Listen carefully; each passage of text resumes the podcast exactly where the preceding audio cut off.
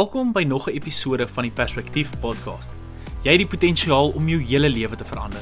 Maar jy moet eers jou perspektief verander en besef dat God 'n plan het met jou lewe. Ons wil mense se leefstyle beïnvloed sodat hulle hulle volle potensiaal vir Christus kan bereik. Geniet vandag se episode en deel dit asseblief met jou vriende. Ons is besig met 'n klein reeksie oor dinge waarna ons jaag en wat ons fokus van God afhaal. Vandag gaan ons bietjie kyk na die derde een en dit is die gejaag na perfeksie. Ons lewe in 'n tyd waar alles rondom ons lyk of dit so perfek is. Op Instagram en op Facebook is almal se foto's van hierdie oomblikke wat hulle wil wys en is so perfek en dit maak ons almal so jaloers.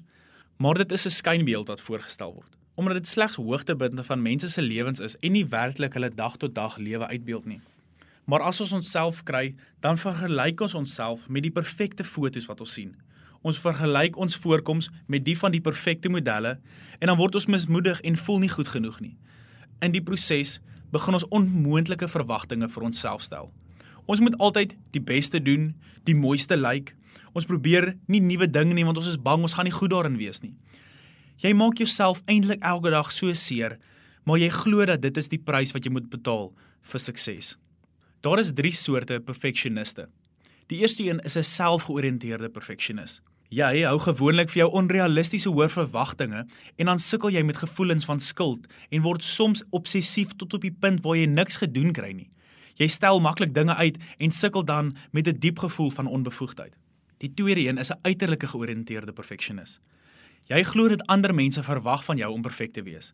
En om die druk daarvan te hanteer, sal jy self afbreekende humor gebruik as 'n skild. Jy voel soms alleen, depressief en ook desperaat omdat jy weet jy sal nooit goed genoeg wees nie. Die derde een is 'n ander georiënteerde perfeksionis. Jy verwag dat ander mense moet opleef tot jou onmoontlike standaarde. Omdat jy empatie kort, sal jy ander mense afbreek ook met afbreekende humor omdat hulle nie tot jou standaarde opleef nie. Daar is ook 'n geestelike kant van perfeksionisme. Dit is die perfekte masker vir persoonlike onsekerheid. Na Adam en Eva gesondig het, het hulle hulself met blare bedek om sonde weg te steek. Moses het ook sy gesig bedek nadat hy op die berg was. In Romeine 3 vers 20 staan: Niemand sal dus op grond van wetsgehoorsaamheid voor God vrygespreek kan word nie. Dit wys vir my dat ons nooit op ons eie perfek genoeg sal vir God sal wees nie en dat dit is net sy genade wat ons red en ons sal vergewe. Dalk wonder jy maar, maar hoekom is daar 'n wet as ek dit nie eers kan onderhou nie? Die Fariseërs het in die Bybel se tyd 613 wette gehad. Ons het vandag 10 en ek sukkel om hulle te onderhou. Eers wanneer jy jouself as 'n sondaar sien, dan besef jy jy het eintlik 'n verlosser nodig.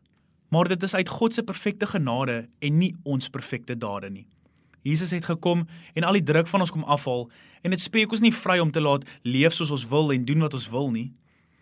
In die dag wat voorlê en in die res van die week, kies God se perfekte liefde bo jou strewe na die perfekte lewe.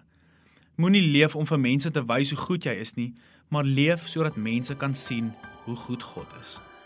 Baie dankie dat jy na nog 'n episode geluister het. As jy enige geestelike hulp nodig het of graag wil deel word van 'n groep jong mense wat elke woensdag aand bymekaar kom, stuur asseblief vir ons 'n e-pos na jeug@harmoniegemeente.co.za of volg ons op Instagram en Facebook vir meer inligting.